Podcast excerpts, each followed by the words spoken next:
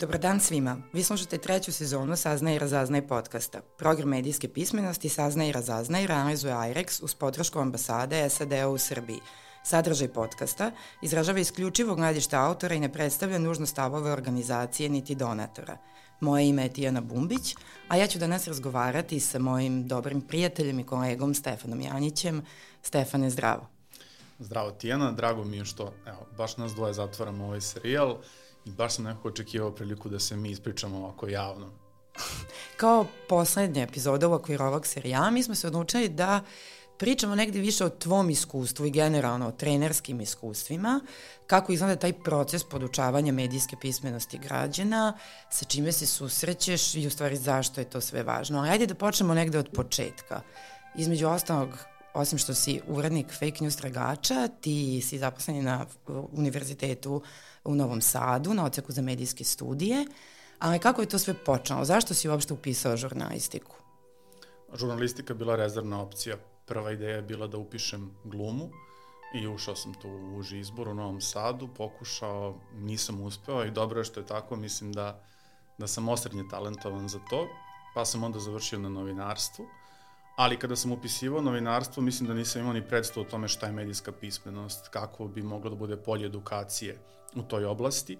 I tek kasnije, zapravo kroz saradnju sa Novosadskom novinarskom školom, počeo sam da otkrivam taj svet koji mi je bio dosta interesantan, ali sam u njega uplovio bez previše znanja o, o pedagogiji, o tome kako bi jedan trening trebalo da funkcioniše, bukvalno sam bačan u, u vatru i sećam se to je otprilike a, neka situacija kada smo se nas dvoje upoznali na, na jednom seminaru, ja sam došao spreman, a, obukao se a, vrlo pristojno, uglađeno, napravio nekakvu prezentaciju, danima se spremao za to i nekako proračunao da bi ono što bi ja mogao da ispričam, trebalo da traje nekih sat ili sat i po koliko je trebalo popuniti vremena u agendi i onda se sećam da je sve to što sam ja pripremio trajalo ukupno 20 minuta. Imam inače tu tendenciju da dosta brzo pričam i pogotovo naravno kada tek počinješ da, da radiš, da držiš treninge ili seminare, jako je teško precizno iskalkulisati koliko će nešto trajati. Nikada, evo, ni sad na, nakon a,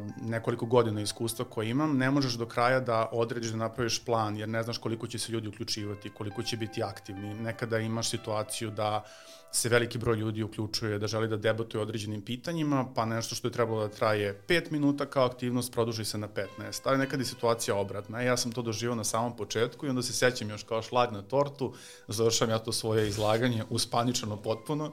Jedna nastavnica mi je kasnije prišla i rekla da mi se tačno na licu videla ta rečenica koju sam ponavljao u sebi šta sledeće da kažem, šta sledeće da kažem, šta sledeće da kažem i ti mi prilaziš i skidaš pero sa moje glave koje je sve vreme tu stajalo dok sam pričao, tako da je to moje prvo trenersko iskustvo a, u Novosadskoj novinarskoj školi ostalo meni u pamćenju kao krajnje, krajnje groteskno. Okićem perijem. I okićem perijem, da. Okićem perijem, a, baš me nekako bio blam. Dobro, i o, to se kasnije naravno razvijamo u mnogo pozitivnijem pravcu i to iskustvo je u stvari bilo uh, veoma vredno kako za tebe, tako i, i, i za mene. A ono što si pomenuo jeste da u stvari nisi ni znao u što se upuštaš, da si na neki način bio bačen u vatru. Mm -hmm. Koliko su danas ljudi upoznati zaista sa tim terminom medijske pismenosti? Da je ljudima jasno, čak i onda kad se prijave na, recimo, na trening, šta je tačno šta njih čeka na tom treningu? Mislim da im nije do kraja uvek jasno. Inače, medijska pismenost kao predmet postoji kod nas na fakultetu, na filozofskom fakultetu u Novom Sadu. Mislim da postoji uh, jedan deo ljudi koji smatra da je medijska pismenost pismenost u osnovnom smislu, da ćemo se mi tu baviti lektorisanjem, da ćemo se pre svega baviti nekom jezičkom kulturom u medijima, što medijska pismenost nije, a onda ima i ljudi koji, i o tome smo takođe razgovarali u prethodnim serijalima ovog podcasta, koji opšte ideju medijskog opismenjavanja vide kao nešto pomalo ponižavajuće. Sad će meni neko da dođe da objašnjava kako da ja budem medijski pismen. Um, I mislim da je zbog toga potrebno biti dosta otvoren uh, i razgovarati zapravo čitavom ovom konceptu na koji bi način on mogao da se unapređuje. Ali kada govorimo o medijskoj pismenosti, uh, Mislim da je važno da trener zna svoju poziciju. Dakle, da nikada ne pristupam, to mi je od samog početka bilo u glavi, da nikada ne pristupam prepotentno. Sad sam ja došao da vam objasnim a, tajne a, mehanizama medijskih manipulacija, pogotovo kada Nemam mnogo iskustva kada dolazim da razgovaram sa prosvetnim radnicima koji su već decenijama u tim učionicama, koji rade u mnogo izazovnijem okruženju nego što radim ja. Jedno je raditi sa studentima, a drugo je raditi sa decom u 7. 8. razredu ili u srednjoj školi, dakle to su dva potpuno različite iskustva. I mislim da je, eto, to možda ključ, kao da ne budem, da ne budem prepotentan, nego da razgovaramo o svim tim temama. Jer mislim da u sklopu svaki od tih tema postoji neka mogućnost razmene. Evo, ja ću vam nešto reći do čega sam došao, što sam pročitao, što sam video, što sam iskusio, jer se bavim i fact-checkingom, proverom podataka, pa nešto mogu da ispričam iz prve ruke, ali recimo ne znam mnogo toga o načinu na koji je funkcionisala medijska industrija 80. ili 90. godina kada sam ja bio dete, ili sa druge strane ne znam mnogo o načinu na koji danas funkcioniše TikTok, tako da recimo i sa svojim studentima uvek volim da čujem šta oni imaju da kažu i mislim da se ne stidim toga da kažem da ja nešto ne znam, kada se suočim s pitanjima i s temama u koje nisam previše upućen. Zato što se i medijska industrija jako, jako brzo menja, menja se okruženje u kojem živimo, sve više novih tehnologija i prosto to čovjek ne može da isprati u celosti. I onda je fair u takvom okruženju da kaže, evo, ne znamo ovom dovoljno, da li možemo da razgovaramo. Da, stvarno da možemo reći da medijska pismenost predstavlja donekle analizu jednog fenomena, u stvari sociološkog ugla, na koji način mediji sve utiču na naše živote, koji se neprestano menja i jedan princip celoživotnog učenja. Ne možemo nikad reći da smo evo stavili tačku na obrazovanje medijske pismenosti. Da, rekao bih ne samo a, razmatranje socioloških aspekata, već i, i psiholoških, a, i jezičkih, a, emotivnih, političkih, dakle sve to ulazi u nekakav okvir naučni, naravno u okvir medijske pismenosti i sve je to dosta važno. Um, upravo ono što si rekla, proces celoživotnog učenja, mislim da su ovi IREX-ovi treninzi bili sjajna prilika da se veliki broj prosvetnih radnika, ali uopšte trenera a, mladih uvede u ovu temu, ali bilo kakvo obećanje da će vam jedan trening ili seminar otvoriti oči i da ste onda a, to naučili kao što naučite tablicu množenja ili kao što naučite azbuku i abecedu, to prosto ne funkcioniše tako. A, možemo da usvojimo neka elementarna znanja, ali na koji način ćemo ih kasnije prilagođavati promenama u okruženju, u, u širem kontekstu, um, to ostaje na nama. Ostaje na nama da čitamo, da se edukujemo i da se čuvamo tog straha, te prepadnutosti, da će sad svi da nas nadziru, da je sve pod kontrolom, da čitav svet ide ka propasti. Mislim da taj, ta vrsta straha i ta vrsta a, cinizma da je jako blisko povezana s mizantropijom, s nekim uverenjem da su svi ljudi oko nas zli i da su svi fenomeni, svi trendovi a, pogrešni, da svet ide ka, ka potpunoj propasti. Ta vrsta narativa se od uvek javlja u ljudskoj istoriji. Svaka generacija je mislila da je ona ovaj, poslednja, da, da je svet toliko zastranio da nemamo više čemu da se nadamo, ali mislim da, da moramo prevazići taj pesimizam i da vidimo kako i neke negativne fenomene kojima se bavimo, a, kako ih možemo prevazići. I to je takođe, ako govorimo o seminarima medijske pismenosti dosta važno, čini mi se, pogotovo kada govorimo o algoritmima, kada govorimo o veštačkoj inteligenciji, to ume da prepadne ljude, pogotovo kada su izloženi nekim podacima o tome na koji način ih Google prati, na koji način prate oglašivači, da znaju recimo u ovom trenutku dok ti ja razgovaramo tačan kvadratni metar u kojem se nalazimo, da mogu da pretpostave naše interesovanja, da mogu da pretpostave koliki su moji tvoji prihodi, da li vrede da, da, li vrede da nam a, oglašavaju recimo neki odmor na Maldivima ako mi nemamo dovoljno novca da to platimo, umeju ljudi toga da se, da se prepadnu i da onda imaju određene iracionalne strahove od tehnologije, ali ako ćemo um, raditi na medijskoj pismenosti, mislim da je, da je važno da stanemo na loptu i da pokušamo da vidimo, aha, sad je ovo uh, jedan aspekt priča, ovo je drugi, daj da pronađemo neki balans i da utvrdimo prave razmere određenog procesa. A s obzirom na to koliko smo okruženi različitim informacionim sistemima i da se u stvari stalno krećemo u, u nekim, što na internetu, što kroz tradicionalne medije, kada misliš da, kada treba početi to medijsko obrazovanje? A evo ti si majka, imaš troje dece, možda bi mogla da daš i bolji odgovor na to pitanje od mene, s obzirom na to da mi se čini da deca rastu sa tabletom, da je to njihova prva igračka danas, mislim da nekakvu vrstu razgovora, nekakvu vrstu dijaloga treba početi a, čak i pre polaska u školu. Mm -hmm, dakle, da, da. Od, Kako ti to vidiš? Pa ajde da se zamenimo, da. Pa vidim upravo tako kako si uh, rekao, da to u stvari predstavlja naše novo okruženje i da je absurd negde što se danas o tome i dalje priča kao na nivou nekog fenomena i, i uh, samo seminara, neke edukacije, nečega što je zanimljivo i aktuelno, a u stvari da nam izmiče to da je to jedna svakodnevnica i da je najprirodnije da danas u stvari učimo, učimo upravo o tome, kao što si rekao, od naj, najranijih uh, dana. A kako to vide prosvetni radnici? Mi smo zajedno, radimo godinama mhm. seminare, imamo dosta zajedničkog iskustva. Moram da priznam, ti si tu uvek nekako omiljeniji među prosvetnim radnicima. Kako ti doživljavaš njihovo razumevanje? Da, sad bi možda bilo sjajno kada bih ja rekao svi su fantastični, svi su sjajni, ne mislim da je tako. Dešava se često na tim seminarima da jednostavno dođu ljudi koji su tu zbog bodova ili dođu sa nekim pomalo, rekao bih čak i trolovskim namerama da upadaju s nekim komentarima, da, da malo isprovociraju i to je sve okej, okay, naravno.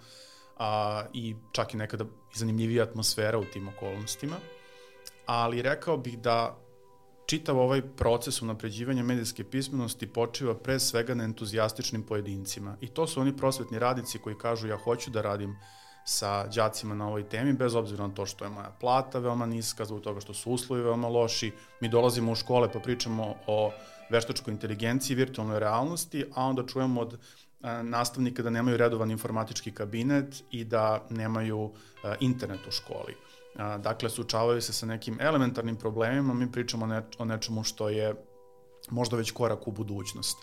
Rekao bih da u globalu, ako bi trebalo da izvučem nekakav zaključak, da su ti razgovori i susreti sa prosvetnim radnicima dosta ohrabrujući, makar sa onima koji dolaze na seminare, koji su zainteresovani za ovakvu vrstu teme. Kakva je šira slika ne znam, ali ja sam a, dosta zadovoljan. Meni je, a, ako govorim sad o svom trenerskom iskustvu, taj početak bio najteži, a, upravo zbog toga što mi je delovalo da ja njima nemam šta mnogo da, da kažem ili da ću im možda delovati prepotentno a, ili da će im možda to biti dosadno. I jednostavno potrebno je neko vreme da i prezentacije koje osmisliš, da primeri koje daješ, igre i aktivnosti koje osmišljavaš, da sve legne na svoje mesto.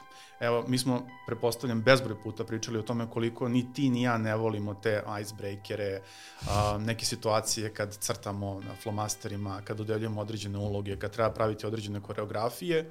I ja recimo sebi dajem tu slobodu da ja to ne uključujem, iako postoji veliki broj metodičara i oni koji se bave i medijskom pismenošću i nekim srodnim oblastima koji kažu da je to obavezno. Dakle, da bi se situacija otkravila, da bi ljudi počeli da, da razgovaraju, da bi se malo nasmejali, razmrdali, da, da moramo početi nekim icebreakerom. Ja to prosto ne volim a, i zbog toga izbegavam.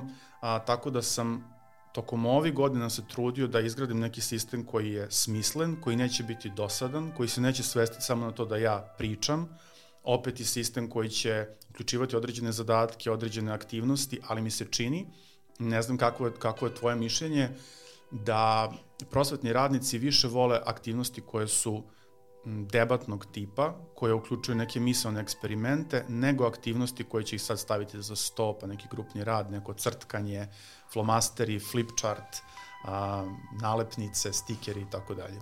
Svakako, da, slažem se s tobom, možda zato što i ja više volim taj debatni, mm. debatni format, ali ono što, čime smo se oboje susretali, baš kad pričamo o radu s prosvetnim radnicima i u tom nekom uh, našem razgovoru s njima, šta su njihove donekne brige, osim ti si spomenuo sad neke možda tehničke stvari, nedostatke u školama, koje su više negde ekonomski uslovljene, ali ako pričamo o razvoju kritičkog mišljenja i razumevanju okruženja, uh, sretnali smo se često s time da se prosvetni radnici u stvari boje da su njihovi učenici medijski pismeni od njih i digitalno pismeniji od njih.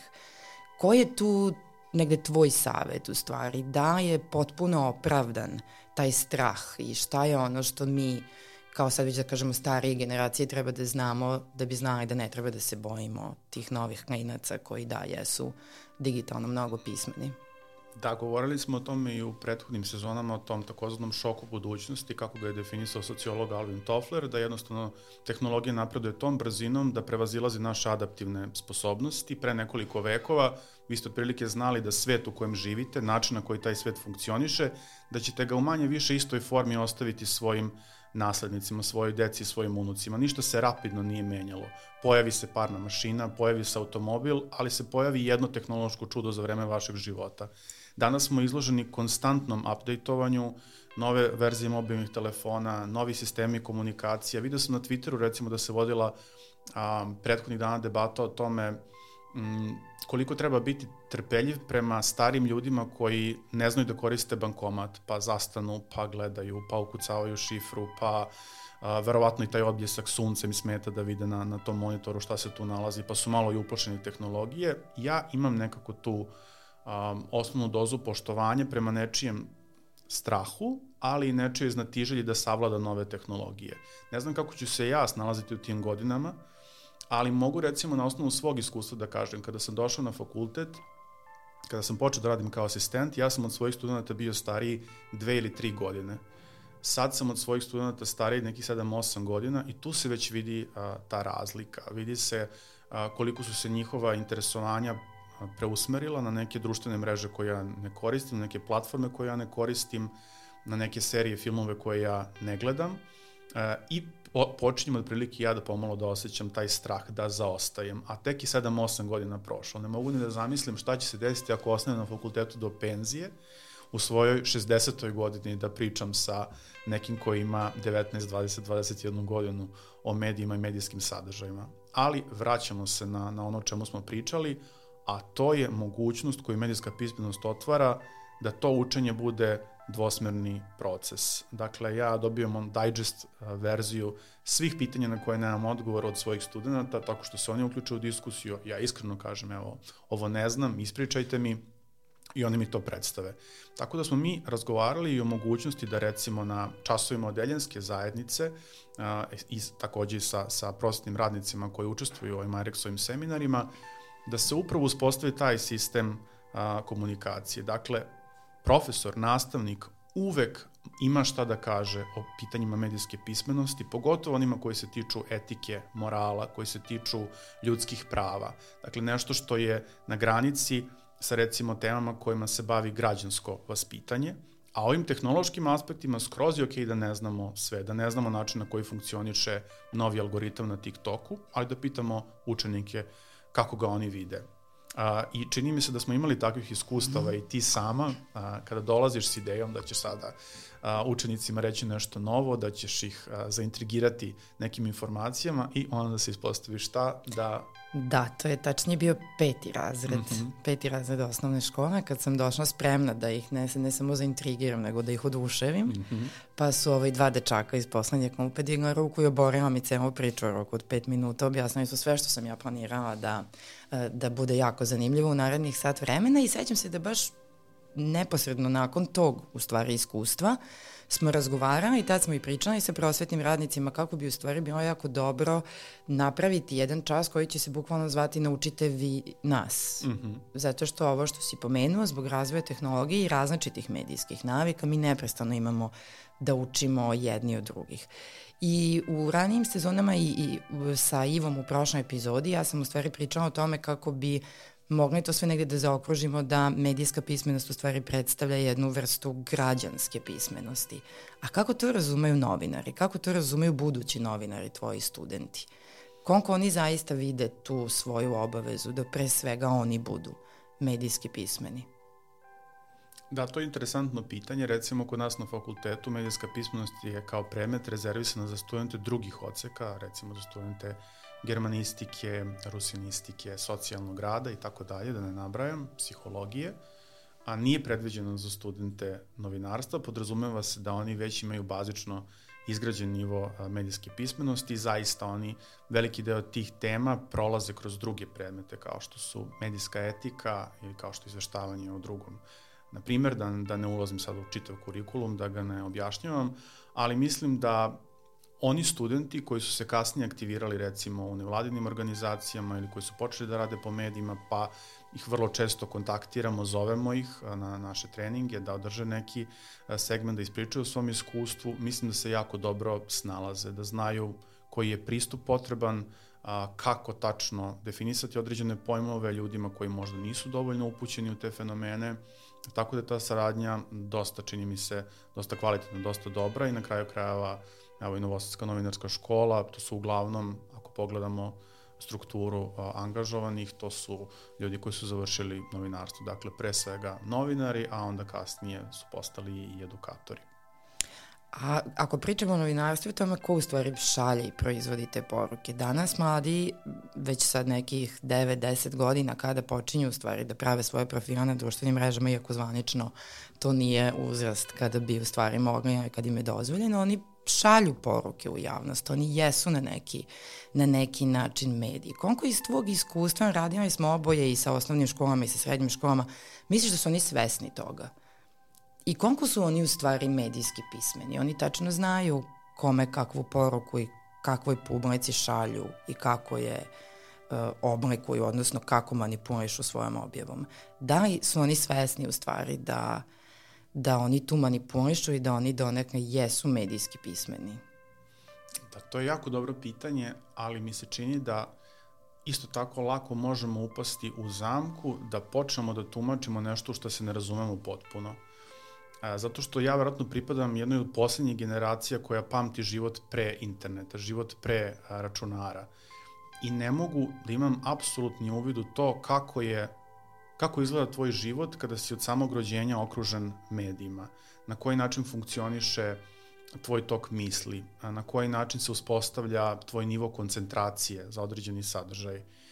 I mislim kada se govori o mlađim generacijama da se vrlo često upada u tu zamku Jeremijada o kojoj smo već pričali, a nikad gore generacije, nikad nemoralnije, nikad neobazrivije. A onda mislim da, da TikTok upravo može biti jedno dobro ogledalo zato što tu zaista postoje mladi za koje a, vidite da im je vrlo stalo do vidljivosti, do popularnosti, da ne prezuju toga da nekoga uvrede, da nekoga potkače, da napišu a, ružan komentar, nesvesni, možda nedovoljno, nesves, nedovoljno svesni toga da će taj komentar biti vidljiv hiljadama drugih ljudi, a onda opet postoji i veliki broj mladih, veliki broj dece koja snimaju određene klipove kojima implicitno ili eksplicitno promovišu neke taktike medijske pismenosti kojima sam ja oduševljen. Rade to mnogo bolje nego što bih ja to ikada umeo. Tačno umeo i jezički da odaberu određen izraz koji je adekvatan, izraz koji je prilagođen njihovoj generaciji, koji nije biflanje nekih definicija, koji nije čitanje iz učbenika, a nije ni nekav čisti sleng. Nego zaista prava, prava mera kada se govori ne samo o medijskoj pismenosti, nego i o ljudskim pravima, o, ne znam, politici, demokratiji, o promociji nauke. Zaista vidite sjajne mlade ljude koji su, deluje mi bar tako, sve skapirali i to umeju da objasne na jako dobar način. A, I sve vidim, vidim zapravo da, da dolazimo u tu situaciju da pomislim ja, bilo bi dobro ukrasti neki fazon ovde, kao što mi svi, koji smo, koji se na neki način bavimo prosvetnim radom, a, pokupimo tu i tamo neki fazon, neku foru, neki, ne znam, mim, šalu, neki primer koji možemo da iskoristimo u nastavi, ali tu je problem što ja na tom nivou ne umem da funkcionišem. Kada bih se ja pojavio na TikToku, mislim da bi to bilo baš ovaj, a, cringe, što bi mladi rekli. Da, da.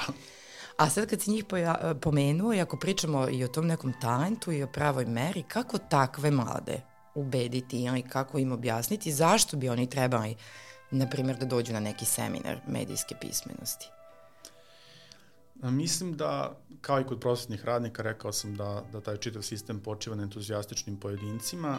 Mislim da i ovde imamo slučaj da čitav sistem um, počiva na nekim uh, entuzijastičnim dečacima i devojčicama koji se zainteresuju za ovu temu i onda je šire kasnije. I to je šire više nego što to čine uh, prosvetni radnici ili odrasli, pogotovo ti mladi koji su aktivni na društvenim mrežama. Dakle, objasniti im neki mehanizam provera informacija, recimo fotoforenzike, videoforenzike, neki sistem m, algoritama i vidite kako se oni zainteresuju za tu temu na dograde, prepričaju a, svojim vršnjacima, opet koristeći jezik koji je, koji je adekvatan, koji je primeren.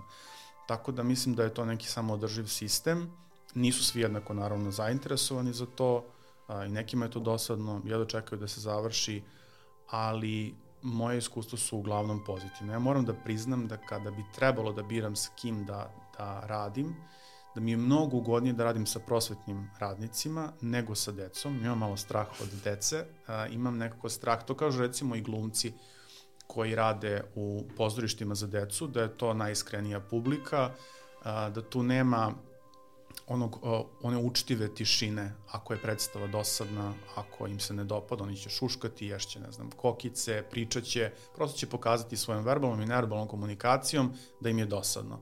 E, toga se ja isto plašim kada dođem u učionicu.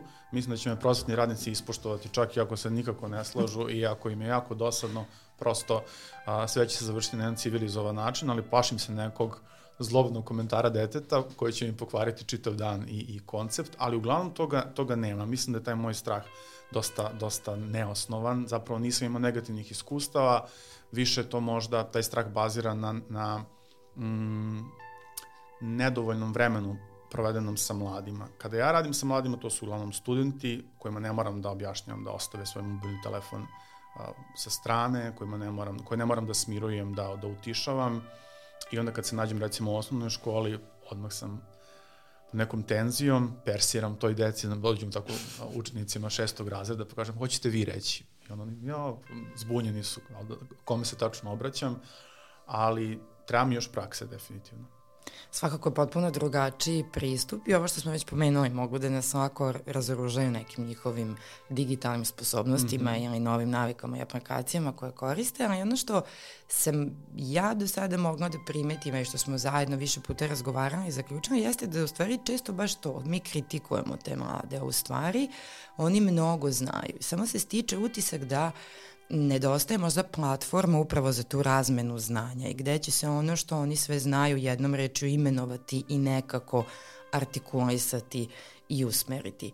E, da li misliš da je možda najbolja platforma za to škola ili je to, su to upravo te iste društvene mreže putem kojih treba promovisati sve više i više medijsko opismenjavanje? Da mi, šta misliš jednostavno? Da li da ćemo uspeti nekako kroz škole, kroz sistem koji je relativno kao i svaki sistem trom i spor, da dostignemo taj nivo medijske pismenosti u neko skorije vreme? Mislim da će stvari ići nabolje, ali da, da možemo da, računamo, da računamo tek na nekakav dugoročni efekat. Ne sad održimo seriju seminara i evo čitava Srbija je medijski pismena za dva meseca, to je nemoguće. Moramo da računamo na promene koje će se dešavati sporo a, i na promene u kojima će učestvovati veliki broj aktera, pa uključujući tu i škole. I sad bih tu ponovo da izbegnem zamku da, da identifikujem pitanje medijske pismenosti kao pitanje nad pitanjima. Čini mi se kad bismo razgovarali s nekim profesorom matematike, on bi rekao, a matematika je fundamentalna disciplina, ničega nema bez matematike, i gramatika je matematika, i uh, hemija je matematika i fizika je matematika. Pa onda pričate s nekim ko predaje srpski jezik pa kaže, a jezik je osnova nacionalne kulture, identiteta, ko ne poznaje svoj jezik ne može da uplovi ni i tako dalje. A ne bih želeo sad s te pozicije da dođem pa da kažem, e, medijska pismenost je najvažnija forma pismenosti kojom treba danas da ovladamo, ali bio bih neiskren kad bih rekao da ne mislim da je, da je važna. Mislim da ona obuhvata toliki spektar tema već smo govorili o političkoj pismenosti, o naučnoj pismenosti, govorili smo, ne znam, o, seksualnom obrazovanju. Dakle, ona ulazi u sve te oblasti i mislim da ukoliko ne možemo da isposlujemo da medijska pismenost bude zaseban predmet, apsolutno razumem argumente oni koji se suprostavljaju tome koji kažu da je školski sistem već preopterećen, da su torbe preteške, da uh, učenici previše vremena provode u školi, mislim da je onda ok da makar svaki nastavnik da od sebe onoliko koliko može da promoviše medijsku pismenost u jednom delu časa na jednom delu časa, ne znam, srpskog jezika, književnosti, muzičke kulture, likovne kulture, pa čak i prirodnih nauka. Mislim da je sve to izvodljivo. Recimo da samo uključe u svoj kurikulum, u svoj plan vežbi neke primere lažnih vesti o, o hemiji, o fizici, o asteroidima, o vakcinama i da započnu diskusiju o tome. A, mislim da bi to moglo da bude dosta, dosta lekovito. Da, i da utiče u stvari na, na generalno kreiranje tog nekog kritičkog stava mladih, što i jeste u osnovi u stvari medijske pismenosti, jer nekako sumnjam da ćemo stići za tim tehnološkim razvojem tako brzo više da znamo u stvari neku osnovu. A sa kakvim, sad si sam rekao da je to jako široko polje medijska pismenost i potpuno je očekivano i razumljivo da ljudima možda odmah neće biti jasno tačno o čemu se sve radi. Podelaj s nama, sigurno imaš makar neko zanimljivo iskustvo. A, kako su ljudi reagovali s kojima si radio, s kakvim možda predrasudama si se susreo, da li si nekada na treningu imao neku situaciju da neko očekivao da se priča o nečemu drugom ili da ga je neka tema, rekao si da neko dolazi možda čak i da troluje, da ga je neka tema potpuno pokrenula pa da odvede diskusiju u drugom pravcu. Mm -hmm. Da, mislim da je čitav pedagoški proces zapravo proces u kojem čovjek mora da uspostavlja neki nivo samokontrole. Um, ne možeš da kažeš baš sve što ti pada na pamet, čak i u, u situacijama kada te neko strašno iznervira. Ja bih volao da sam ja taj opušten čovjek koji može da lagodno reaguje u svim situacijama, ali zapravo nisam do sada imao neki veliki test. Znam da se ne, ponekada desi uh, da na časovima na fakultetu da mi studenti kažu nešto sa čim se duboko ne slažem. Pogotovo kada recimo raspravljamo o temama ljudskih prava. Desilo mi se recimo jednom da mi je studentkinja rekla da misli da su mm, da je laž da su, da su žene na bilo koji način ugrožene u ovom društvu i ta rečenica me potpuno izbacila iz takta. Mislim da je ostao neki snimak tog časa da bi se tačno videlo kako crvenim i kako mi para izlaze na uši, jer prosto ako ste bilo šta pročitali o toj temi, ako ste se imalo uputili, znate koliko je ta, a, ta primetba zapravo, koliko nije na mestu, koliko je potpuno neutemeljena. Ali onda se trudim da ostanem nekako ovaj, kontrolisan. Sećam se i kada sam počeo da radim na fakultetu, da je bio jedan student koji je pronašao savršen način da me, da me provocira sve vreme. Mislim da to jeste kao otvoreno bila provokacija i uh, takvih problema nema sa, sa ostalim studentima. Moje iskustvo je u globalu pozitivno, ali evo ovo je jedan izuzetak, zato ga i napominjem, koji mi se sve vreme obraćao, pritom, kažem, tad sam bio stariji od njih dve ili tri godine, sve vreme mi se obraćao sa gospodine profesore. Tim rečima se ne obraćate zapravo ni nekome ko je redovni profesor, a kamoli nekome ko je asistent. Ja u tom trenutku nemam ni doktorat, nemam ni godinu dana iskustva rada na fakultetu, ali ja prosto nisam znao šta raditi u toj situaciji. Tačno vidim, on diže ruku, svaki put mi se obraća sa gospodine profesore, ja nemam adekvatan odgovor na, na to. Mogu da kažem, molim vas nemojte me tako zvati, ali bi opet zvučalo i to malo groteskno. Bilo mi je potrebno neko vreme da ja steknem samopouzdanje i da smislim odgovore na potencijalne nezgodne situacije koje će se dešavati. Ali se isto tako sećam jedne situacije kada smo držali trening prosvetnim radnicima, tu si i ti bila ovaj, prisutna, baš u segmentu u kom sam ja govorio o određenim temama, da se javio jedan prosvetni radnik da kaže da su žene se tamne strane, a, i da je to tako još od kad su ovaj, Adam i Eva prognani iz raja i da sam ja apsolutno ostao ukupan na mestu. Jer ja mogu da a u svakom trenutku da se setim nekog primera, eto kažem, o algoritmima ili o fotoforenzici, videoforenzici, proveri teksta, proveri plagijata, ali kada se suočim s takvom rečenicom na koju morate da reagujete, prosto možemo iznositi različita mišljenja, ali ako se na treningu ili na času na fakultetu pojavi nešto što je eksplicitno uvredljivo, mislim da to ne može da prođe bez komentara. E, ja sam se baš tada ukupao u mestu i mislim da si ti na osnovu našeg iskustva, naše dotadašnje saradnje videla da sam ja gotov, da apsolutno ne znam kako da se izvučem iz toga, tako da si eto, ti uskočila u pomoć pa da. pokušala da A ne mogu da se setim šta sam, šta sam rekla, ali znam da to jeste stvarno bila redka situacija, opet jedna od situacija koja potvrđuje koliko ta širina teme medijske pismenosti u stvari pruža uh, ljudima da odreaguju na nju u skladu sa svojim nekim možda najintimnijim ili najdubljim uverenjima. Mm -hmm. Nekog može da pokrene na temu o politici, neko u ovom slučaju pravo žena u društvu, iako u tom kontekstu uopšte nije bila priča o tome, već jednostavno u stvari uh, gospodin koji, je, koji se javio sa takvim komentarom jednostavno nije razumeo da smo mi na kraju naravno našli zajednički jezik i sve se to završilo u najboljem mogućem duhu, a jednostavno nije razumeo uopšte, mislio je da mi propagiramo medije, da priča o uvođenju medijske pismenosti u školu u stvari predstavlja priču kako mi hoćemo učenike da držimo što više ispred TV-a ili tableta ili računara, a da je ona u stvari potpuno obrnuto da se u stvari ne, ne bavi uopšte time. I da tu često dolazi i do nerazumevanja, a možda i do otpora kod, kod ljudi, a to je kada se stekne utisak da medijska pismenost znači da ćemo sada, na primjer, nas dvoje ili neko drugi, da dođemo i da kažemo ljudima šta oni da čitaju. Mm -hmm. A ako pak čitaju nešto drugo, oni su markirani kao medijski nepismeni.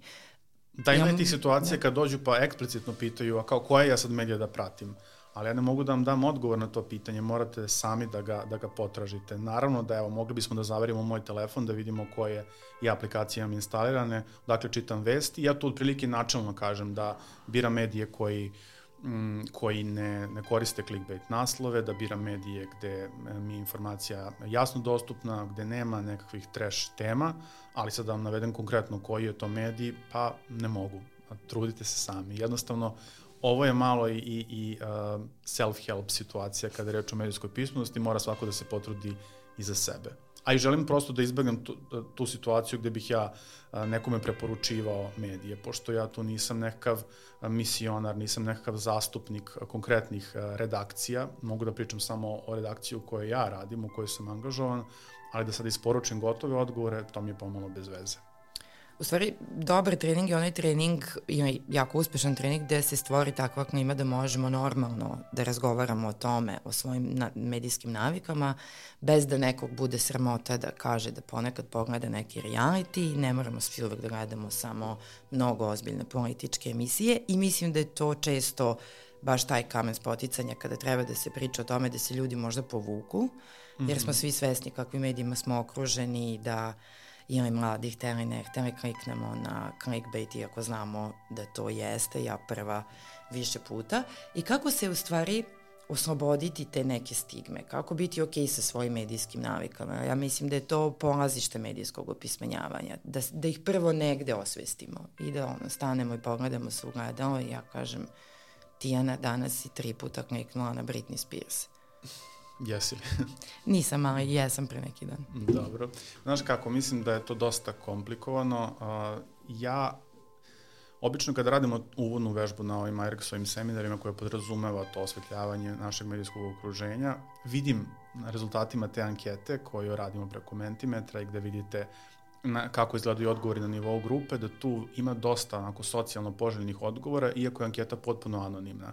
Ispada da, pro, da recimo prosvetni radnik u proseku gleda a, sat vremena a, edukativnih emisija na televiziji, da ne pričamo onda još o edukativnim sadržajima na internetu, na, na YouTube-u, podcastima. Ispadne da prosto čitava svoje popodne ili ono vreme koje ne rade u školi a, posvećuju a, nekim edukativnim programima, što zasigurno nije tako. Pa dodamo još knjige, beletristiku, a, nemam vremena za to. Mislim da precenjuju vreme koje provode u takvom okruženju, ali to je, to je. Okay. Mislim da a, i cilj te aktivnosti nije da na nekom naučnom nivou dođemo do precizne statistike koliko vremena provodimo uz medije, već da svako sebi postavi pitanje koliko sam bio iskren kada sam ovo popunjavao. I kada bi ja trebalo da popunim tu anketu, a ne popunjavam, ja sam to obično ulozi moderator, verovatno bih sam sebe lagao, verovatno bih podcenio vreme koje provodim na društvenim mrežama, a opet precenio svoje vreme koje provodim e, čitajući e, neke, neke e, naučne časopise,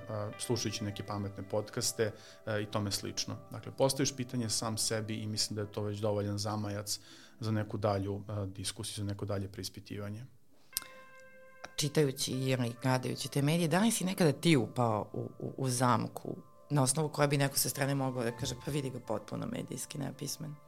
A svakako, svakako, uh, iako imam stalno u glavi tu crvenu lampicu, paziš šta radiš, um, evo ti se, ne znam, uh, baviš proverom podataka, bilo bi zaista suludo da ti, uh, ne znam, pokažeš da si poverovao u neku lažnu vest i to je otprilike najvidljivije recimo na Twitteru kada uh, svojim lajkom podržite nešto što je netočno ali ima takvih situacija, pogotovo onih, o tom smo već pričali, u kojima prosto je lažna vest oblikovana tako da odgovara tvom političkom, ideološkom okviru ili tvom smislu za humor, kada se desi neka dobra prozivka, pa lajkujem, a zapravo nisam proverio šta stoji za toga, zato što iskreno rečeno proces proveravanja umara. I znamo to i u redakciji Fake News Tragača, koliko je iscrpljujuće doći do, do, do činjenica, koliko je istrpljujuće prolaziti kroz tabele podatke, PDF-ove i sad na što bi moj život ličio kada bih svaku vest do koje dođem proveravao na takav način. Mislim da ne moramo postaviti na taj uslov pred sebe, da sad sve moramo da, da isproveravamo, ničim se drugim u životu ne bismo bavili u tom slučaju, prosto da se upali ta neka lampica u situacijama koje nam deluju, a, koje nam deluju sumnjivo. Mislim da je to dovoljno za početak. Dobro, da li imaš još neki primer? Ja znam jedan primer, ovaj, kada smo produžili putovanje umesto da traje 6 sati na 16, mm -hmm. zato što smo poverovali u jednu medijsku objavu kako nećemo moći da prođemo putem kojim smo naumili, a oboje se bavimo ovom temom. I mislim da. da je važno da se o tome priča, da u stvari i na seminarima, da baš to što si rekao se ne očekuje od svakog da proveri vest na koju će da najđe, pošto će naići na, sad ja ne znam tačan broj ispravim, ali sigurno preko 100 naslova u toku jednog dana, jednog dana na društvenim mrežama i tako dalje, ali da u stvari osvestimo to da jednostavno neke stvari ne znamo i da ne mogu biti tako ovako proverljive i da proveravamo one na osnovu kojih ćemo dalje delovati ili, ili kreirati neki, neki stav. Da, da, takvih primjera zaista, zaista mnogo, recimo od jednog seminara u Novom pazaru gde smo ti i ja seli u taksi uh, i uh, vozili se do hotela koji je bio udaljen 70-80 metara.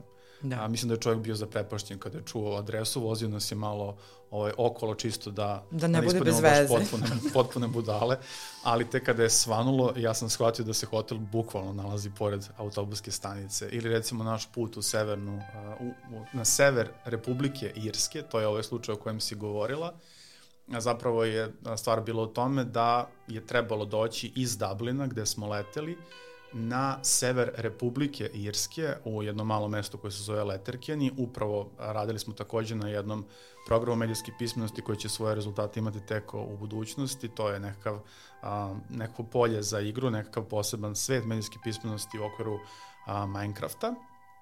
I a, zapravo smo razmišljali o tome koji je najbliži put, kako stići iz Dublina u taj Letterkin i najbliži put je naravno bio preko Severne Irske koji je deo Ujedinjenog kraljevstva, međutim problem je u tome što mi za Ujedinjeno kraljevstvo nemamo vizu. E sad, nikakve nečasne namere nam nisu bile u glavi, nismo planirali da ilegalno uđemo na teritoriju Jedinog kraljevstva, samo prosto da pređemo autobusom da bismo stigli tom prečicom. Ako vam nije jasno o čemu pričamo, pogledajte samo kartu, dosta je, dosta je komplikovano, tako da nije samo Balkan u tom smislu politički i kartografski zamršen, e, takva situacija i u Irskoj. I onda smo veče pred putovanje krenuli manično da tražimo, ali ciljeno da tražimo sadržaje koji su nas ovaj, u dovoljnoj meri uplašili, koji su rekli da je tu policija, iako su nam svi govorili da je to vrlo meka granica, da nema nikakve kontrole, nema čak nekakvog znaka da ste prešli iz Irske u Jedino kraljevstvo, ja sam tražio tekstove, slao tebi na Messenger i ti si rekla da, definitivno moramo da idemo okolo i taj put je trajao čitav, čitavu noć i čitav dan, zato što smo poverovali neke medijske narative, koji su nam stvorili očekivanje da će nas neko pretresati, da će nas uhvatiti, da ćemo završiti u zatvoru. Ti si završila istražujući kakve su kazne za one koji budu uhvaćeni u prestupu. Pa, da vidimo a, odmah posledice. Izračunali da bismo mogli da izađemo oko Aranđelovdana u novembru, pošto je to i tvoja i moja slava, da bismo tada prilike mogli da izađemo iz zatvora pa koliko košta kaucija. Dakle, stigli smo već do svih tih pitanja, ti se rekla, mislim, sve kroz šalu, ali zapravo nije bilo nimalo sve jedno načitali se nekih potpunih budalaština i odlučili da ćemo da putujemo okolo. I naravno, kada smo stigli tamo da su nam se svi smejali, kada su čuli da smo išli okolo, okolo, kao ne znam, kada biste krenuli a, na, na a, more u, u Zadar preko Bukurešta, otprilike tako je izgledala ta putovina, to putovanje. Pa da, ovaj, time smo stvari pokazali da iako se bavimo time, naravno mi nasednemo, rekao si još jednu važnu stvar, a to je da smo mi ciljeno tražili. I da mislim da i to isto jedan od, -hmm. od ključeva medijske pismenosti. Negde ovo svestiti kod ljudi da mi veoma često u stvari ciljeno tražimo da podržimo mm -hmm. sobstveni strah i da je to onda ono što nas drži uh, u tom krugu. Pomenuo si Jeste. da je to pitanje i sociologije i psihologije. I zdravlja, isto kao kada Tako. pokušavamo da identifikujemo koji zdravstveni problem imamo tako što pitamo Google. Dakle, ne odemo kod doktora, nego pitamo Google i Google otprilike uvijek izrekne smrtnu presudu. Ja sam se barem sto puta oprostio od života tako, a, pretražujući svoje simptome a, preko Google-a. I to je zanimljivo što smo svesni toga, ali to i dalje radimo, zato što Naravno. u stvari dobijemo brzo odgovor mm -hmm. i mhm. to je ključ u tome kako koristimo medija. I, I kad si sad, i opet smo pomenuli psihologiju, ko sve može, ili ko bi sve trebao da se bavi ovim pitanjem? Psihologija, znam da nije tvoja nauka, ali nema veze, šta misliš? Mislim, da li je i koliko mediji utiču na naš život danas? Koliko su psihološki aspekti tu važni? Mislim da su mnogo važni i dosta, dosta se zapravo čitam, interesujem za pitanje, neka pitanja futurizma, kako će svet izgledati, ne sad u, u narednom milenijumu, ali kako će izgledati recimo 2030. 2035. godine i psiholozi se dosta bave tim pitanjima na koji način će se um, oni koji trenutno odrastaju, oni koji su trenutno deca i tineđeri, suočavati recimo sa krizom srednjih godina, koliko će to drugačije izgledati nego za recimo moju generaciju ili tvoju generaciju, a, pod tim svim standardima lepote, standardima hedonizma sa Instagrama, koliko će se a, teško suočavati sa sobstvenim staranjem, sa time da više nisu u centru pažnje, da nisu toliko atraktivni kao što su bili. Dakle, to je jedan čitav niz pitanja i mehanizama koji su u srži medija i medijskih proizvoda, kako mainstream, tako i društvenih mreža, o kojima treba razgovarati na vreme i treba ih osvetliti na vreme, ponovo ne sa ciljem da bilo koga zaplašimo i da neko čitav život provede s tim osjećajem cinizma, osjećajem da svet srlja u propast, već samo da neke negativne fenomene kojih svakako ima i o kojima treba razgovarati kako da kako da se odnosimo pre, prema njima i kako da ih rešavamo na, na vreme. Da, u stvari kao da je negde potrebno uraditi dekonstrukciju našeg okruženja, da razumemo čime smo okruženi, a i da osvestimo po naročito mladi, ovo što si spomenuo, e, kako se oni ponašaju, šta su, gde su mediji uticali, u stvari društvene meže na pomeranje njihovih nekih parametara i vrednosti koji su društvo vrlo često negativno ocenjuju, mm -hmm. što ni ti ni ja ne volimo, zato što znamo da je to prosto odlika ovog vremena i njihovog vremena i da oni u njemu plivaju dobro, samo ih eto možda na osnovu nekog iskustva treba, treba usmeriti. Pročitala sam istraživanje jedno koje je govorilo kako u stvari o tome mi koristimo jako mali deo onoga što nama internet zaista pruža. Onog momenta kada mi postavimo medijski pismeni, neka pretpostavka i hipoteza tog teksta je bila da bi mi mogli da kreiramo internet upravo onakav kakav mi donekle želimo, umesto da se samo žalimo na sadržaj na internetu. E, kako vidiš to da u stvari i kad pričamo u taj proces obrazovanja, koliko je važan i taj proces proizvodnje medijskih poruka? Nešto što vi na fakultetu učite studente, ali to se sve pomerilo. Danas poruke proizvodimo čerka od 12 godina.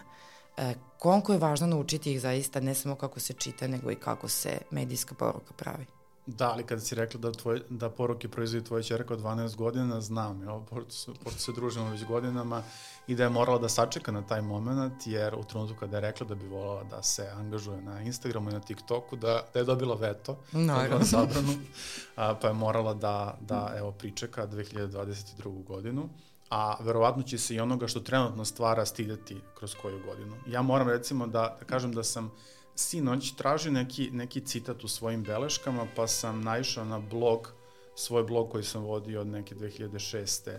do 2015. godine e, i koji sam sklonio na vreme na svu sreću. Nisu uspeli da ga, da ga sačuvaju ovi sajtovi za internet arhiviranje i mislim da bi me ti tekstovi danas u velikoj meri kompromitovali a, a postojali su to godinama, iznosio sam neke stavove sa kojima se danas naravno nimalo ne slažem, a, pisao sam neke, a, ima, bilo nekih literarnih pokušaja koji su stvarno katastrofalni, baš sam onako ušao i pomislio da li je moguće da sam ja ovako, ovako loše pisao, traljavo, besmisleno, neutemeljeno u činjenicama. A, I onda zapravo upravo u okviru ovog, pitanja koje postavljaš, postavlja se i ta tema digitalnog otiska, koliko je teško danas nestati sa interneta, ne mislim samo na gašenje profila na određenim društvenim mrežama, na neaktivnost, na činjenicu da, da recimo Facebook polako nestaje. Govorim o tome koliko je teško ukloniti neke svoje poteze i koliko je teško um, ukloniti posledice tih poteza, kada je sve javno, kada je sve otvoreno, kada bilo čiji intimni trenutak može postati globalno vidljiv za nekoliko sekundi, kada nemamo nikakvu kontrolu nad tim šta će postati viralno, da će možda neki naš, m, neki naš, a, naša mala, mala greška postati vidljiva hiljadama, stotinama hiljada, pa i milionima ljudi. I to sve može da, da zastraši, i verujem da mnogi ljude plaši, pogotovo oni koji nemaju veliko kontakta sa, sa medijima, ali ponovo moramo da pronađemo određeni balans i da priznamo sebi šta je ono dobro što mi dobijamo od medija, šta je ono dobro što dobijamo od a, društvenih mreža. Um, u kontekstu, ne znam, humanitarnih akcija, navođenja, dakle, mapa, u kontekstu algoritama koji nam pomažu da se, da se snađemo u prostoru, vremenu, da, im, da, da nam prevedu određeni sadržaj na engleski ili na japanski jezik. Dakle, postoji mnogo benefita, ne treba stvari sagledavati crno-belo, a kada je reč o proizvodnji medijskih sadržaja, da se vratim na tvoje pitanje sa kojeg sam odlutao, mislim da je suštinski problem problem koncentracije, da, ona je, da je danas ona u, u, u opadanju. To sad nije ponovo neki moj pesimistički zaključak, već prosto vidimo u različitim istraživanjima koje se bave tim važnim pitanjem, da jednostavno nemamo dovoljno fokusa, ja to primetim i po sebi, da mi je ranije mnogo bilo lakše da pročitam celu knjigu, da mi je bilo lakše da pogledam celu seriju ili čitav film, danas je to jako, jako teško. Čak i kada je film dobar, čak i kada je serija dobra, čak i kada je knjiga fascinantna, uh, posle svakih, ne znam, nekoliko stranica ili nekoliko minuta dobijem porev da uzmem telefon da vidim a, šta se nalazi u mojim porukama i tako dalje. I tu je ta bojazan za teme koje zahtevaju mnogo prostora, koje zahtevaju mnogo koncentracije, kako ćemo njih predstaviti publici, um, s obzirom na to da one ne mogu da se stisnu ja, u Instagram story ili u TikTok video. Da, format se dosta skratio i format koji se danas u stvari čita je tako nedovoljno, kao što si sam rekao, obiman za neki ozbiljni tekst i samim tim otvara jedno šire polje i mogućnost za manipulacije i širenje dezinformacija. I opet s tim u vezi bih pozvala baš i ovo što smo uh, rekli i pričali malo i o tom psihološkom aspektu i o tome kako utiče i na koncentraciju i tako dalje i one prosvetne radnike koje rade sa najmlađom decom, dakle to su učitelji, učiteljice, pa čak i u predškolskoj ustanovi, jer se tu negde postavljaju u stvari temelji i mislim da uh, i mogli bi još svašta da pričamo i možemo još pričati, ali za ovih sat vremena smo ispričali toliko mnogo aspekata i stvari. Ti si u stvari predstavio jednu širinu da se zaista čini kao na početku što si rekao da ne želiš da kažeš da je medijska pismenost najvažnija, ali ako no, sagledamo sve aspekte u stvari koje našeg života dotiče da prevazilazi čak i ono da li ću ja sad poverovati u ovu vest, već zalazi u to kako mm -hmm. ćemo živeti, kako ćemo kreirati sliku o sebi, to ponaročito kad pričamo o digitalnom svetu, da je negde uh, mesto medijskoj pismenosti od onog momenta od kada imamo bilo kakav dodir s medijima, to je od najranijih dana, samo da je jako važno razgraničiti da ona ne znači konzumirati više medija i ne konzumirati određene medije, već jednostavno razumeti, razumeti društvo u kom se krećemo. Pre neki dan sam to nazvala priroda i društvo novog doba, složili smo se da je to dobar, Tako je, dobar da. termin. I složili smo se, čini mi se, u toga da u kontekstu medijske pismenosti možemo raspravljati o različitim temama, ali ono što mislim da je fundamentalno, ponovo kad si rekla recimo pričati o medijskoj pismenosti već u preškolskom uzrastu, to je pitanje a, poštovanja i pitanje empatije. Dakle, svest o drugom. Ne raditi, pogotovo u online svetu, nešto što može povrediti druge ljude, ne pisati uvredljive komentare, ne kačiti se na svaku temu da iznesemo svoj stav, da je u redu ponekad, ne znam, prećutati, promeniti kanal, a, ne znam, uputiti neku konstruktivnu kritiku umesto, umesto nekih a, vulgarnih komentara. Zapravo da je to sve jako vidljivo i da vređa neke stvarne ljude, čak i ukoliko ti ljudi, čak i ukoliko ti ljude ne poznajemo lično, čak i ukoliko su sakriveni iza nekog nika ili pseudonima, prosto samo svesti na, na tu ravan, a, da, da su posledice naših ponašanja, naših odluka, naših iznetih stavova na internetu a, uvek vrlo vidljive i vrlo pipljive po realne ljude koji negde postoje, žive, koji su ponekada srećni i tužni.